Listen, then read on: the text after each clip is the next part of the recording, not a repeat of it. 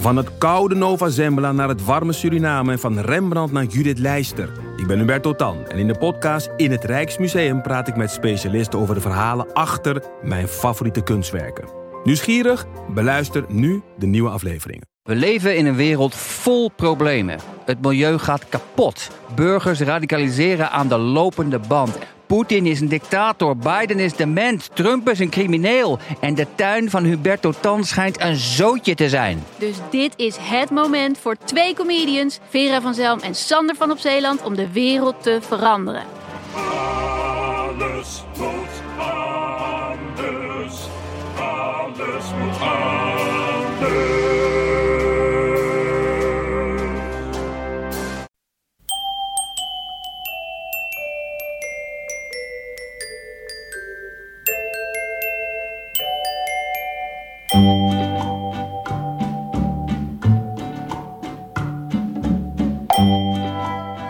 Welkom bij aflevering 175 van de Echt Gebeurd podcast, waarin waargebeurde verhalen worden verteld door de mensen die ze zelf hebben meegemaakt.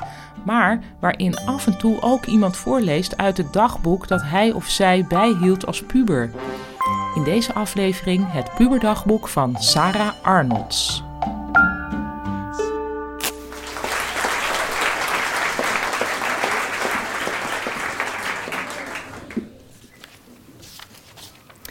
Het is het jaar 2003 en ik ben 11 jaar.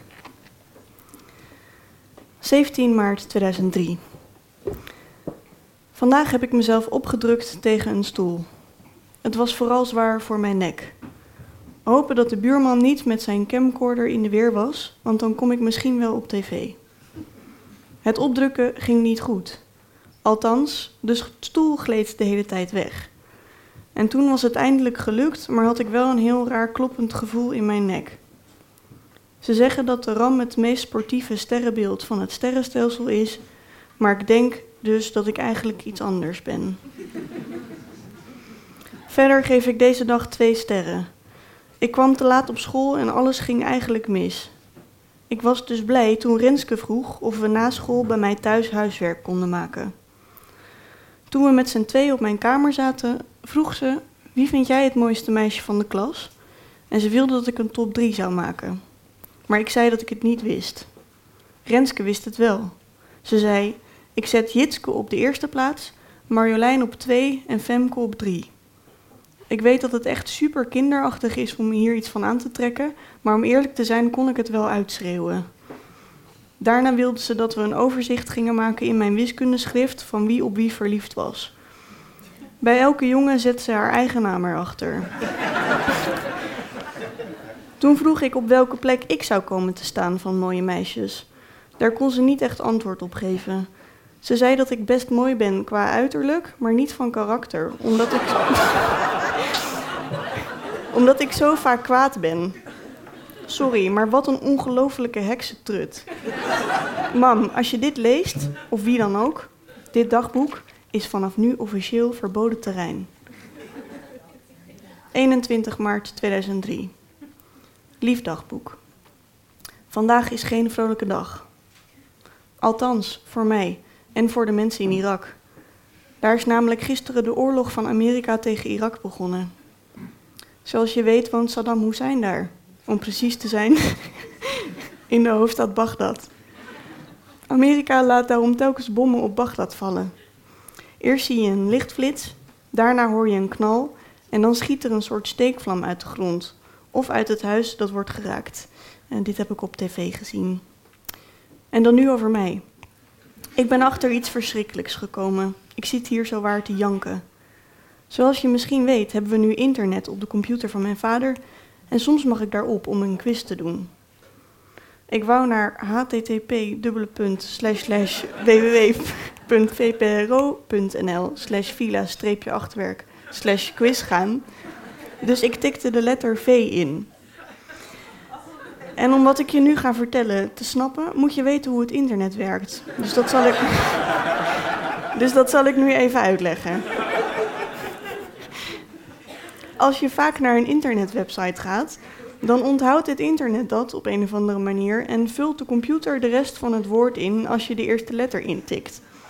Dat komt allemaal door de internetverbinding. Goed, wat ik wilde zeggen.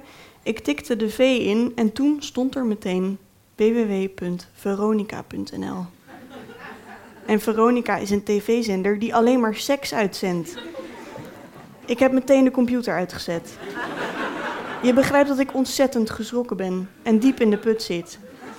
Moet ik het tegen mama zeggen? Maar misschien gaan ze dan wel scheiden. Je moet me helpen. Ik vind het gewoon walgelijk van papa. Het is echt verschrikkelijk van papa en zo onrespectloos. In de herfstvakantie was alles nog goed en zaten we in Parijs. En nu zit, ik op, zit hij op internet naar blote vrouwen die met elkaar neuken te kijken. Sorry voor mijn taalgebruik. Ik ga nu janken. Tot later.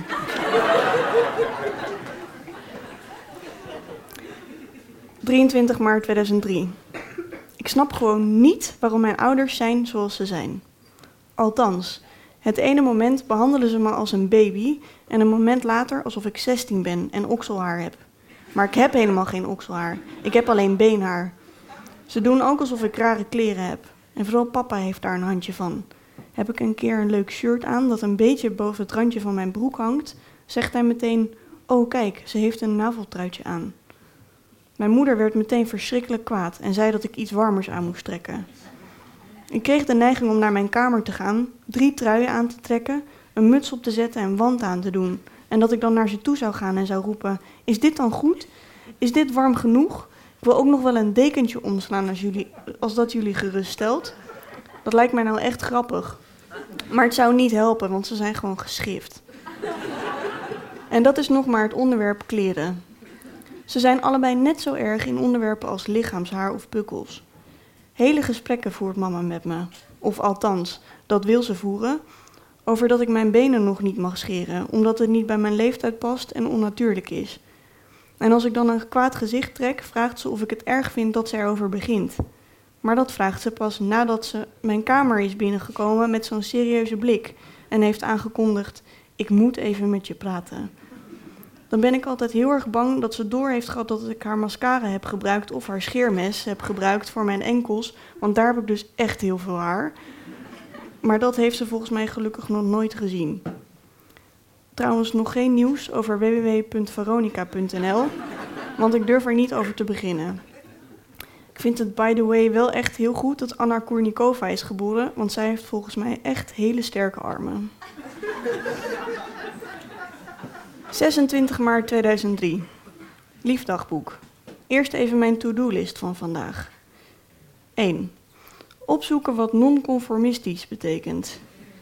2. Opzoeken hoe je klaarkomen zegt in het Engels. Want als ik songteksten overschrijf in mijn agenda, wil ik niet per ongeluk allemaal rare dingen opschrijven en echt mega hard voor lul staan. Sorry voor mijn taalgebruik. 3.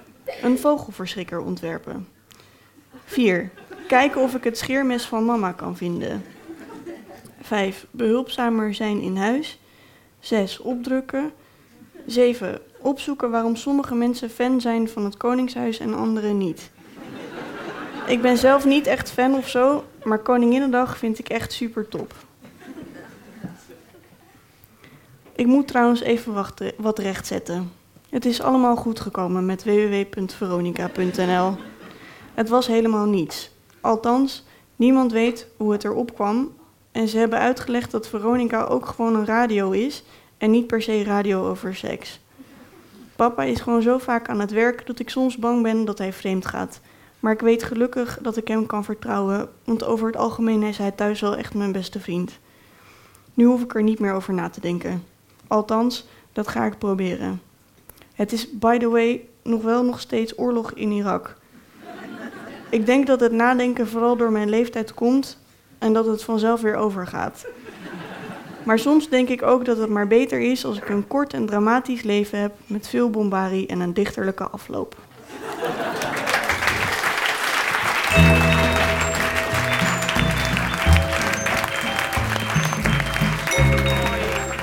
Dat was het puberdagboek van Sarah Arnolds. Sarah is sinds vorige maand columniste voor het tijdschrift L. Dus als je wilt weten hoe ze tegenwoordig schrijft, kun je haar vinden in dat blad. Echt gebeurd is een verhalenmiddag die elke derde zondag van de maand plaatsvindt in Toemler, de comedyclub onder het Hilton Hotel in Amsterdam.